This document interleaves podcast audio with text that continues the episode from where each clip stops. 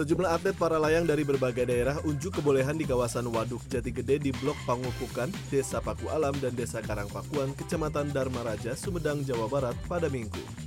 Aksi para atlet para layang ini dilakukan dalam rangka pra-event menyambut kompetisi para layang bertajuk Paragliding Akurasi Series yang rencananya akan digelar oleh pengelola objek wisata Taman Seribu Cahaya The Lodge pada September 2023.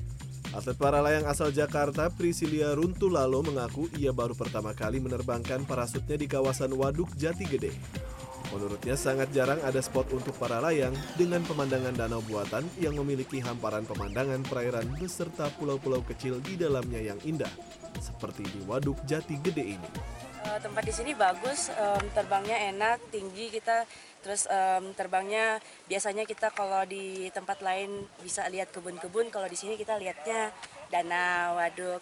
Terus tempat take off-nya, tempat uh, the lodge-nya sendiri keren, terus bagus. Jadi Pengelola objek wisata menyatakan event para layang paragliding akurasi series yang akan digelar memiliki tujuan agar objek wisata ini ke depannya menjadi lokasi pusat bagi aktivitas para pecinta para layang di Sumedang.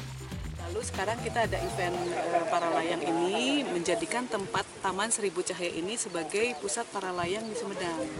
Itu tujuannya ke depan sehingga atlet-atlet menjadi lebih nyaman ya datang ke sini main para layang tetapi ada juga fasilitas lainnya.